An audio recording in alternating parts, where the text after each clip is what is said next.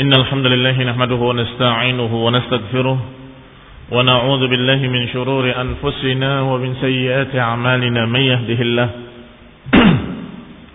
فلا مضل له ومن يضلل فلا هادي له وأشهد أن لا إله إلا الله وحده لا شريك له وأشهد أن محمدا عبده ورسوله صلى الله عليه وعلى آله وأصحابه والتابعين وتابع التابعين ومن تبعهم بإحسان إلى يوم الدين.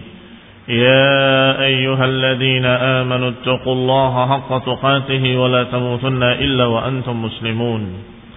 يا أيها الناس اتقوا ربكم الذي خلقكم من نفس واحدة وخلق منها زوجها وبث منهما رجالا كثيرا ونساء. واتقوا الله الذي تساءلون به والأرحام إن الله كان عليكم رقيبا. يا أيها الذين آمنوا اتقوا الله وقولوا قولا سديدا. يصلح لكم أعمالكم ويغفر لكم ذنوبكم. ومن يطع الله ورسوله فقد فاز فوزا عظيما. أما بعد فإن خير الحديث كتاب الله. وخير الهدي هدي محمد صلى الله عليه وعلى آله وسلم وشر الأمور محدثاتها فإن كل محدثة بدعة وكل بدعة ضلالة وكل ضلالة في النار إخواني في الدين أعزكم الله muslimin yang saya hormati. Kita lanjutkan kajian kitab Tahdzib Sirah Ibn Hisham sampai kita pada kisah yang berikutnya tentang Harbul Fijar. Harb al-Fijar. Dikasrahkan fa-nya dan difathahkan jimnya. Hajat Harbul Fijar wa Rasulullah sallallahu alaihi wa ala alihi wasallam ibnu 20 sana. Terjadi perang di zaman jahiliyah yang bernama perang Fijar. Sedangkan Rasulullah sallallahu alaihi wa ala alihi wasallam ibnu 20 sana. Dalam keadaan beliau berumur 20 tahun. Wa innama summiya yaumul fijar.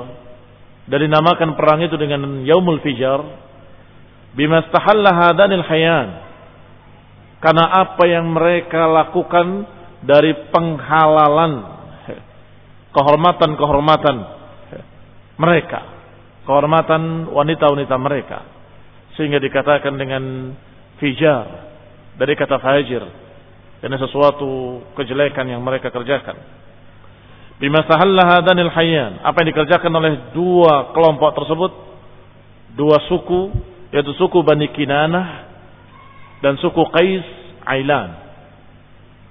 Istahalla fihi minal maharim bainahum. Mereka menghalalkan padanya mahram-mahram mereka di saat itu. Sehingga dikatakan dengan kalimat fijar, yakni perang fijar.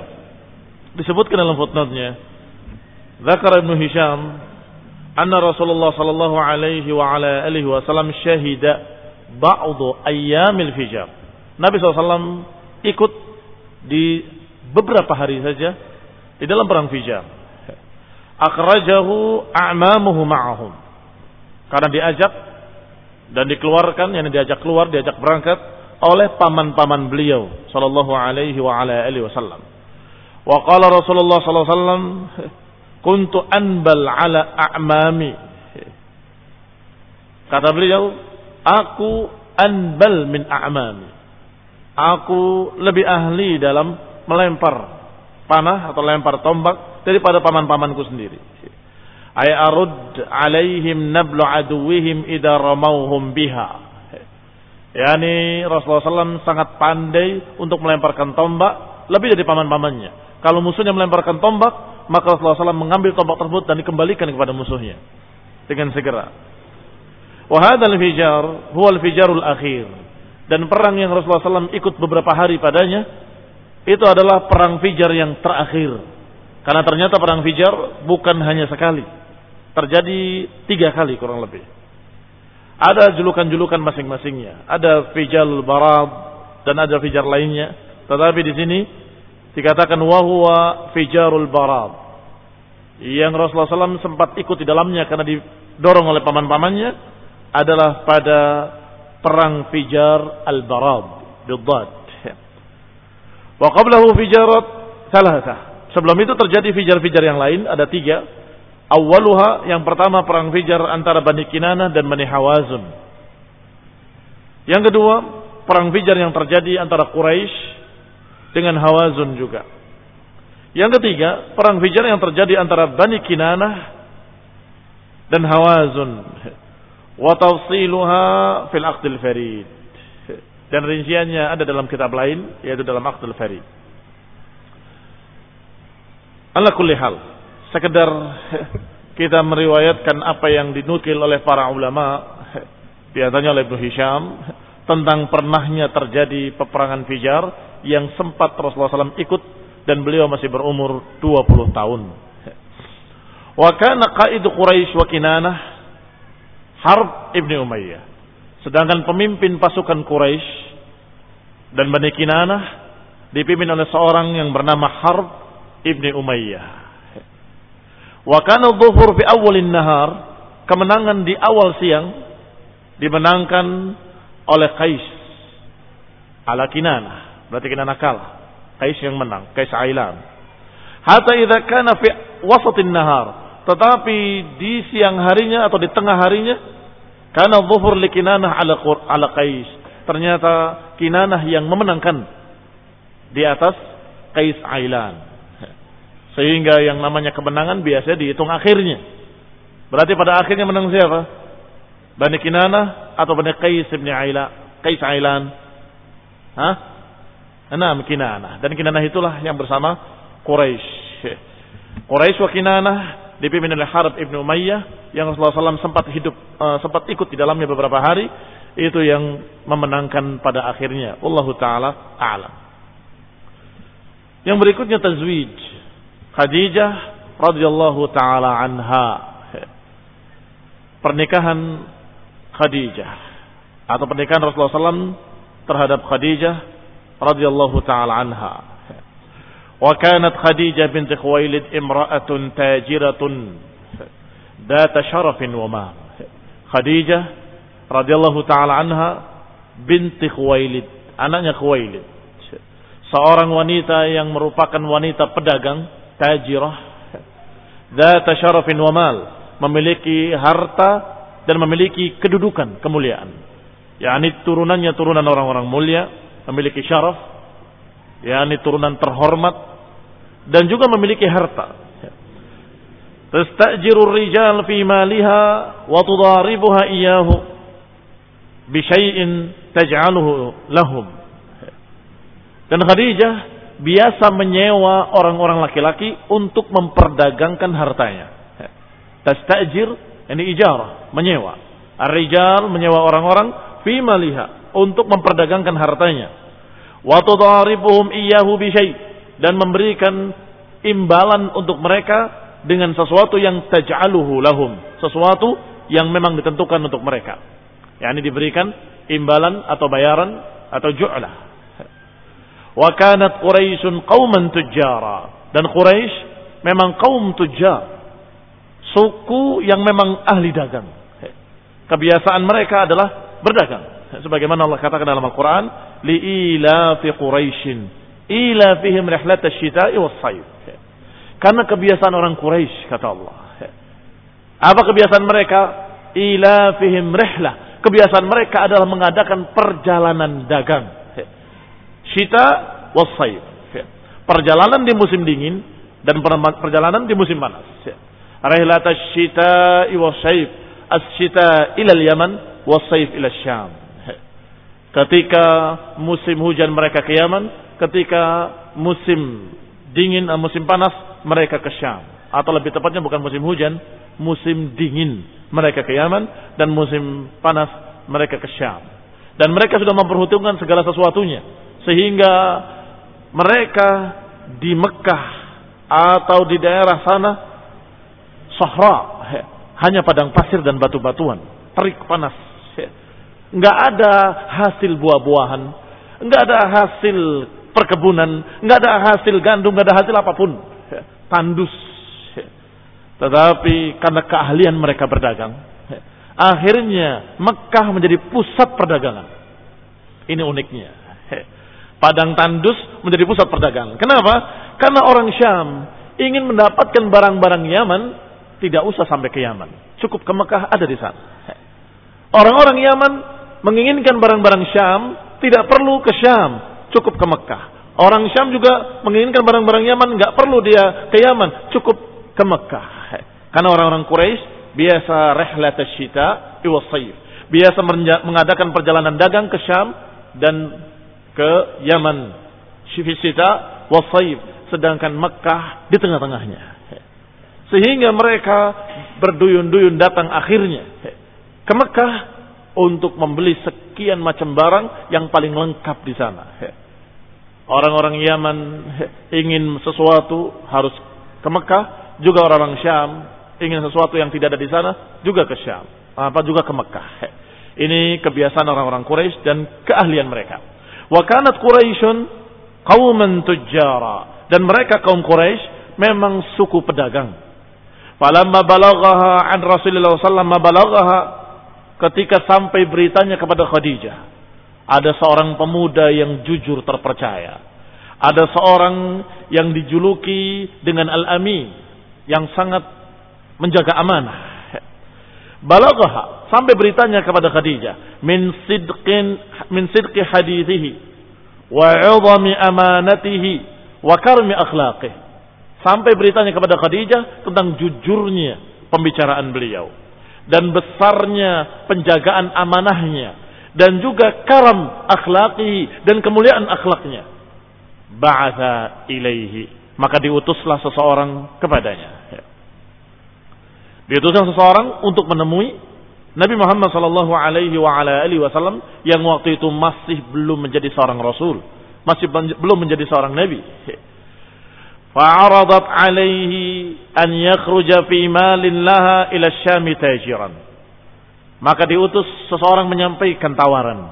Maukah yakhruj fi malin keluar membawa barang-barang harta-hartanya Khadijah untuk berdagang ke Syam tajiran sebagai pedagang wa tu'tihi afdal ma kanat tu'ti ghairahu min at-tujjar dan akan diberi bayaran dengan bayaran yang lebih afdal, lebih tinggi dari semua yang pernah diberikan kepada orang-orang lain.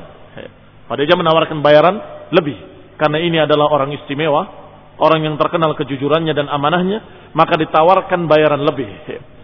Maka diutuslah Rasulullah SAW, "Ma laha yuqalu lahu maisarah." Rasulullah SAW menerima, maka berangkatlah Rasulullah SAW dengan budaknya yang diperintahkan untuk mengiringinya yang bernama Maisarah. Yuqalu lahu Maisarah. Dipanggil dengan nama Maisarah. Faqabilahu Rasulullah sallallahu minha wa kharaja fi maliha dhalik. Maka Nabi pun menerimanya dan keluarlah beliau berangkat ke Syam untuk berdagang memperdagangkan apa-apa yang merupakan milik Khadijah binti Khuwailid.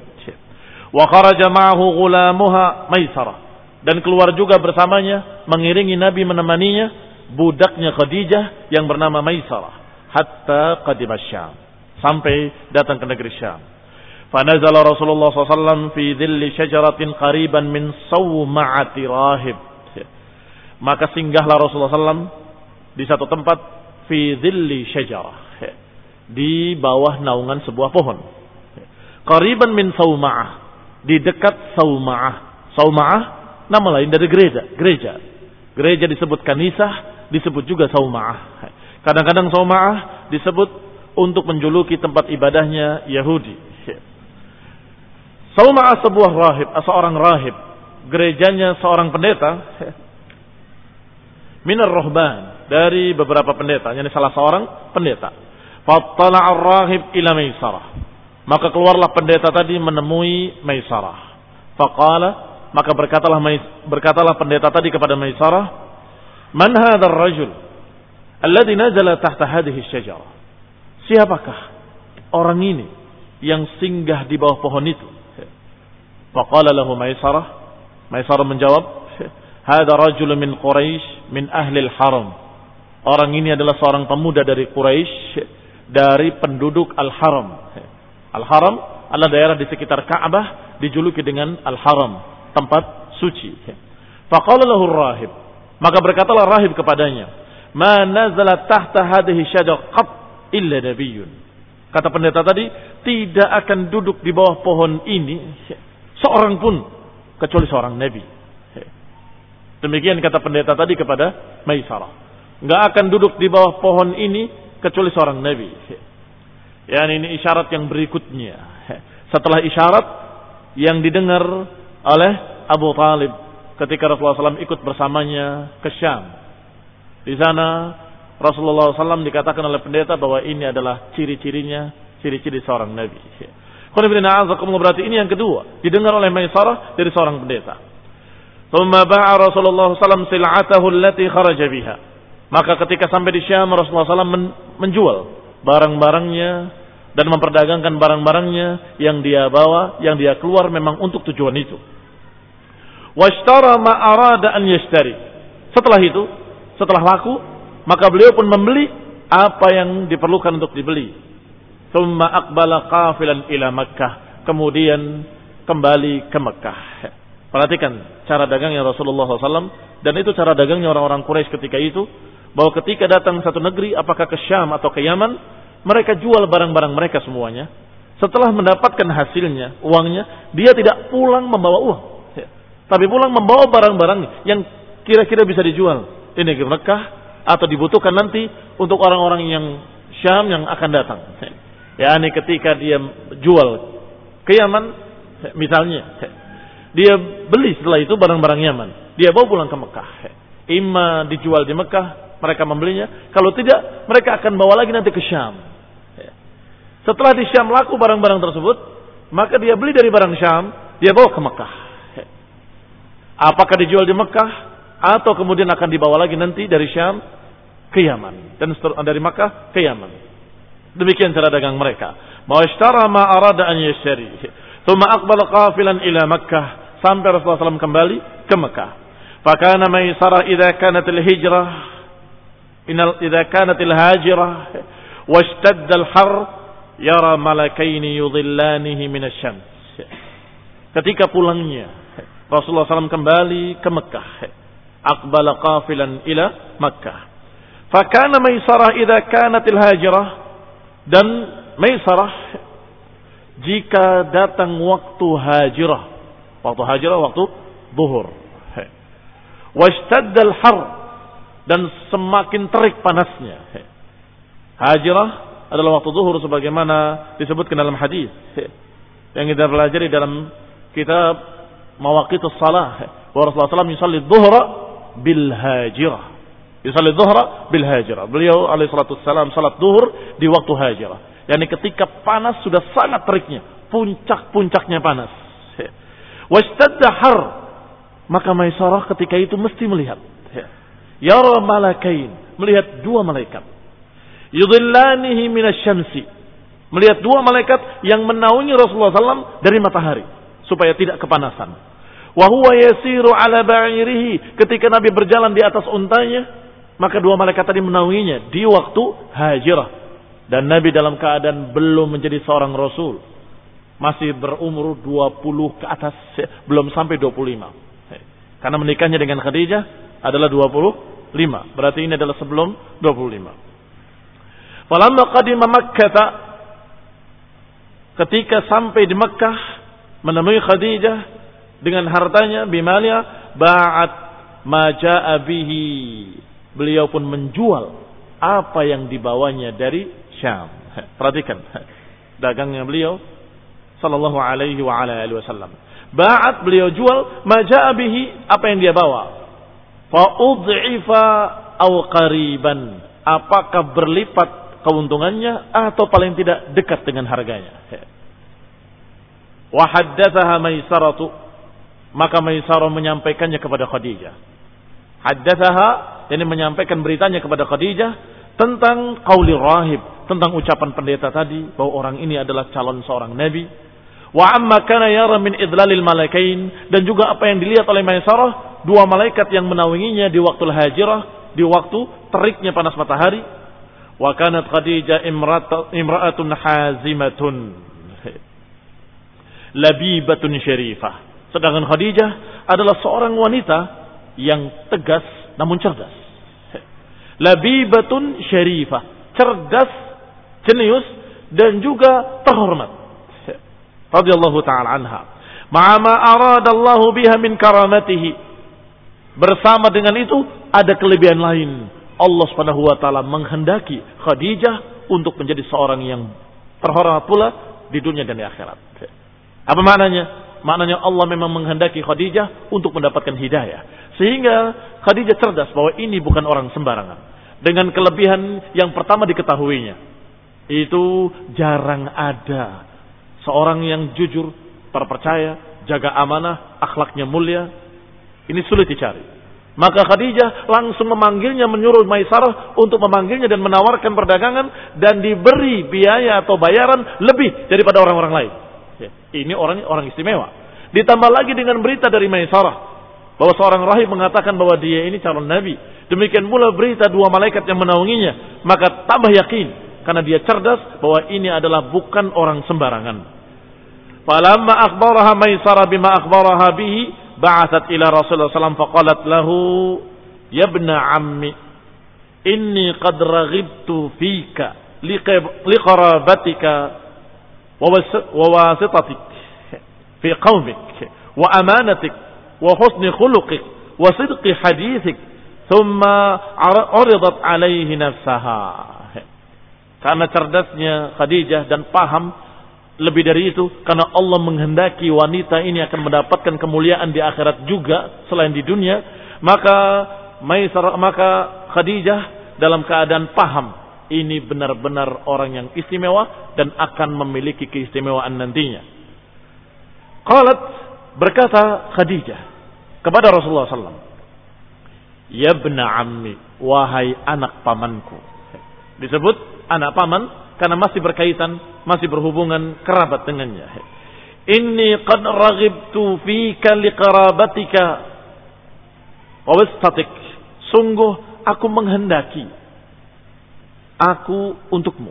Ini menghendaki diriku untukmu, menawarkan diriku untukmu. Karena kekerabatan engkau dengan keluargaku dan juga karena kebijakanmu di tengah-tengah manusia fi qaumik wasfah Artinya ketengah-tengahan itu maknanya bijak. Seorang yang paling bijak di kaummu. Wa amanatik dan juga karena amanahmu yang tinggi. Wa husni khuluqik dan baiknya amanahmu. Wa sidqi hadithik dan juga karena jujurnya pembicaraanmu. Thumma uridat alaihi nafsaha. Maka Khadijah pun menawarkan dirinya untuk dijadikan istri untuknya. Wa kanat Khadijah yawma idin awsatu nisa'i Quraisi nasaban dan Khadijah ketika itu radhiyallahu taala anha awsatu nisa'i Quraisyin nasaban. Beliau pun termasuk orang yang paling tinggi nasabnya di tengah Quraisy. Berarti memang sangat cocok. Nasaban wa khuluqan. Nasabnya dan akhlaknya, kedua-duanya. Rasulullah SAW dari turunan mulia, Khadijah juga dari turunan mulia.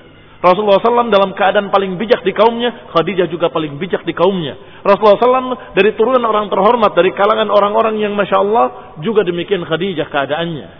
Demikian pula akhlaknya. Dan sama-sama juga Hanif, Hanifiyah. Tahu Hanifiyah? Hanifiyah cenderung kepada Tauhid dalam keadaan belum ada dakwah Tauhid. Tidak mau sujud kepada berhala. Sejak zaman jahiliyah. Di antaranya Rasulullah sendiri tentunya calon seorang Rasul, Khadijah dan Abu Bakar As-Siddiq dan lain-lain dari beberapa orang yang akhirnya menjadi sahabat Rasulullah SAW. Mereka dijuluki dengan Hunafa. Apa itu Hunafa? Yang tidak pernah cenderung kepada kesyirikan walaupun zaman jahiliyah. Sampai-sampai Abu Bakar juga menyatakan sungguh demi Allah nggak pernah jidatku aku letakkan di tanah untuk berhala. Qat sama sekali. Ada satu lagi orang yang tidak sebut ketemu Nabi. Tetapi istimewa. Wallahu ta'ala alam ikhtilaf para ulama tentangnya yang bernama Zaid. Dia bersandar di Ka'bah sambil menyatakan kepada mereka semuanya. Sungguh demi Allah kalian semuanya. Tidak ada yang beribadah seperti ibadahnya Ibrahim dan Ismail. Sungguh demi Allah, kalau berhala-berhala ini bisa menyampaikan kepada Allah, aku akan sembah mereka seperti kalian. Tetapi karena aku tidak tahu apakah mereka bisa menyampaikan, aku tidak akan beribadah pada mereka semuanya. Ini tokoh hunafa. Maka orang-orang seperti ini ada di zaman jahiliyah. Walaupun sedikit, qillatun qalilah, sangat sedikit bisa dihitung dengan jari. Di antaranya adalah Khadijah radhiyallahu taala anha. Karena Khadijah awsatu nisa'i Quraisyin nasaban. Khadijah adalah yang nasabnya paling tengah, paling ningrat, paling tinggi di kalangan Quraisy. Wa a'zamuhunna syarafan dan paling tinggi kehormatannya. Wa aktsaruhunna malan yang paling kaya, paling banyak memiliki harta. Kullu qaumiha kana harisan ala dhalik. Maka semua kaumnya sangat berhasrat, sangat berkeinginan untuk bisa menikahinya lau yaqdir 'alaiha kalau saja mampu untuk menikahinya ada yang mau menikahinya tapi kalah nasabnya. Aduh siapa saya siapa dia? Nggak berani. Ada yang kalah kedudukannya ada yang segala macam. Tetapi Rasulullah SAW justru Khadijah yang menawarkan dirinya kepadanya. Falamma qalat dzalika li Rasulillah maka ketika Khadijah menyatakan demikian kepada Rasulullah Dzakara dzalika li a'mamih, maka Nabi pun menyampaikannya kepada para ammi-amminya, para paman-pamannya. Maka paman-pamannya sangat gembira karena sekian orang hampir seluruh manusia ketika itu ingin mempersunting Khadijah. Sedangkan ini ditawarkan oleh Khadijah sendiri. Maka kharaja ma'ahu ammuhu Hamzah. Maka Rasulullah SAW diantar oleh pamannya yang bernama Hamzah. Hatta dakhala ala Khuwailid ibni Asad hingga mendatangi bapaknya Khadijah yang bernama Khuwailid ibni Asad. Fakhatabaha ilaihi dan dilamarlah dia. Fatazawwajaha maka dinikahilah. lihat pernikahan Rasulullah SAW adalah pernikahan yang sama dengan pernikahan syar'i yang diajarkan setelah Rasulullah SAW jadi Rasul. Artinya, pernikahan-pernikahan di zaman jahiliyah ada beberapa bentuk pernikahan sebagaimana diriwayatkan dari Aisyah radhiyallahu taala anha. Yang mereka anggap semua itu pernikahan. Tetapi yang benar hanya satu. Yang dilakukan Rasulullah SAW adalah yang hak, yang benar.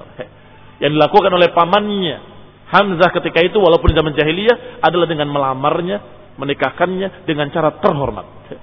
Ada pernikahan dalam bentuk satu wanita memasang bendera putih menandakan bahwa saya siap untuk jima dengan siapa pun. Nanti setelah terjadi akad oleh sekian orang bukan satu. Setelah itu nanti akan lahir anaknya dan kemudian dipanggil semuanya. Ada lima enam laki-laki yang pernah mendatanginya. Kemudian dikatakan oleh dukun yang diundang bahwa ini anakmu. Maka orang yang ditunjuk oleh dukun harus menerima bahwa itu anakmu. Itu juga dianggap pernikahan oleh mereka.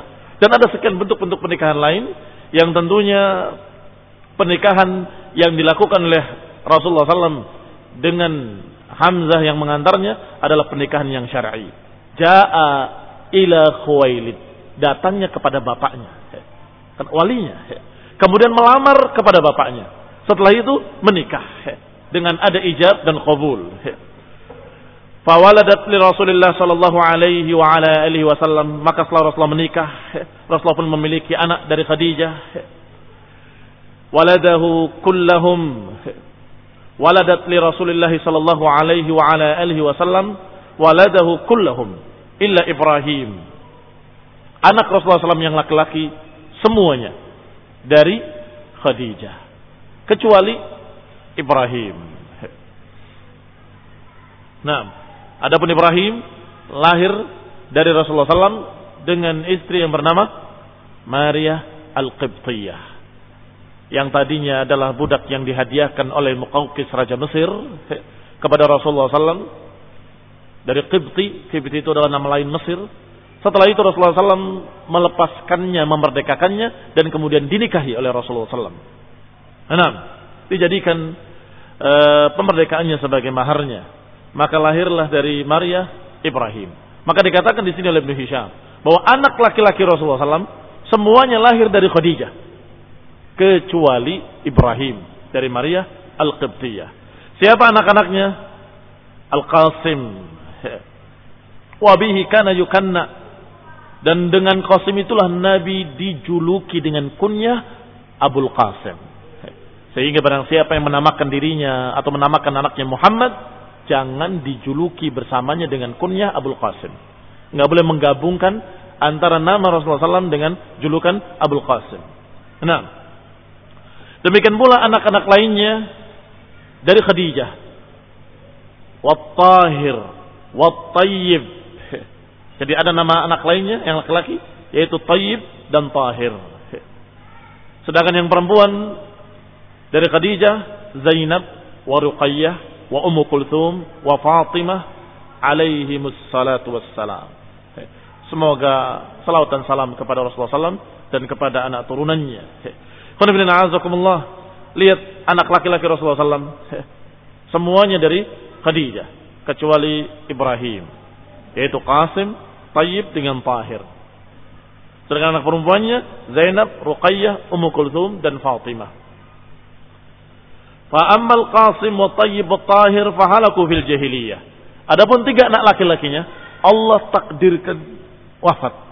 Allah takdirkan meninggal masih di zaman jahiliyah. Artinya belum masuk waktu Islam, belum diangkat sebagai rasul, mereka telah wafat. Halaku fil jahiliyah. Mereka semuanya meninggal di zaman jahiliyah, artinya belum diangkatnya Rasulullah SAW sebagai rasul. Dan ini Allah takdirkan demikian. Dengan hikmah yang Allah kehendaki. Sehingga tidak ada seorang pun yang bernasab turunan Nabi. Nggak ada. Yang ada turunan Ali dari anak perempuannya Fatimah. Dan yang namanya nasab kepada laki-laki, bukan kepada perempuan. Sehingga walaupun mereka dikatakan turunan Fatimah, kan Fatimah anak Nabi, berarti turunan Nabi, turunan Ali. Karena yang namanya ibn kepada laki-laki. Sehingga mereka tidak dikatakan sebagai turunan Nabi, tetapi mereka dikatakan Alawiyun. Turunan Ali. Wallahu ta'ala a'lam. Allah takdirkan anak-anak laki Rasulullah SAW semuanya wafat di waktu kecil termasuk Ibrahim. Walaupun di zaman Islam lahirnya juga meninggal dalam keadaan masih kecil ketika bertepatan dengan gerhana. Tetapi tidak ada kaitannya dengan gerhana. Ketika mereka menyatakan bahwa ini gerhana karena kematian anaknya Rasulullah SAW berdiri di mimbar dan mengingatkan bahwa syamsu wal qamar ayatan min ayatillah la yankashifani limauti ahadin wala li hayatihi. Bahwa matahari dan bulan adalah dua tanda-tanda kekuasaan Allah. Yang kalau terjadi gerhana maka bukan karena kematian seseorang atau kelahiran seseorang. Walaupun itu seakan-akan memuji Rasulullah SAW dan mengunggulkan anaknya, tetapi Nabi tetap kalau batil mengatakan itu batil. Tidak. Tidak berkaitan dengan kematian Ibrahim. Berarti semuanya, anak laki-lakinya meninggal dalam keadaan kecil. Wallahu ta'ala a'lam. Wa amma banatuh, adapun anak-anak perempuannya, fakulluhunna adraknal islam semuanya sempat mengalami keislaman. Semuanya pada perempuannya. Ummu Kulthum sempat, Ruqayyah, Zainab dan juga Fatimah. Fa'aslamna wa hajarna ma'ahu sempat masuk Islam bahkan sempat hijrah bersama Rasulullah sallallahu alaihi wa ala alihi wasallam. Di antaranya yang terkecil dinikahi oleh Ali yaitu Fatimah sedangkan Ummu Kulthum dan Ruqayyah Dua-duanya pernah dinikahi oleh Utsman. Saya katakan pernah karena tidak bareng-bareng. Kalau kita katakan dua-duanya dinikahi oleh Utsman ibn Affan, maka seakan-akan beliau mengumpulkan dua ukhtain dan itu haram. Tidak. Artinya kedua-duanya pernah menjadi istri Utsman ibn Affan. Dinikahi yang satu, kemudian meninggal, sakit ketika waktu perang Badar dan Rasulullah SAW mengizinkan Utsman ibn Affan untuk tidak berangkat jihad pada saat itu karena istrinya yang merupakan anak perempuan Rasulullah SAW sakit keras sampai meninggalnya. Maka dinikahkan lagi Rasulullah SAW dengan istrinya dengan anaknya yang lain. Ummu Kulthum dan uh, Ruqayyah. Sehingga dijuluki Utsman bin Affan dengan Dunnurain. Dunnurain pemilik dua cahaya. Yani pernah menikahi dua anak Rasulullah sallallahu alaihi wasallam. Maka tidak kalah dengan Ali ibn Abi Thalib dalam masalah itu. Allah taala alam. Sehingga wajar kalau para ulama menyatakan walaupun ada ikhtilaf sedikit, menyatakan Uthman lebih utama daripada Ali.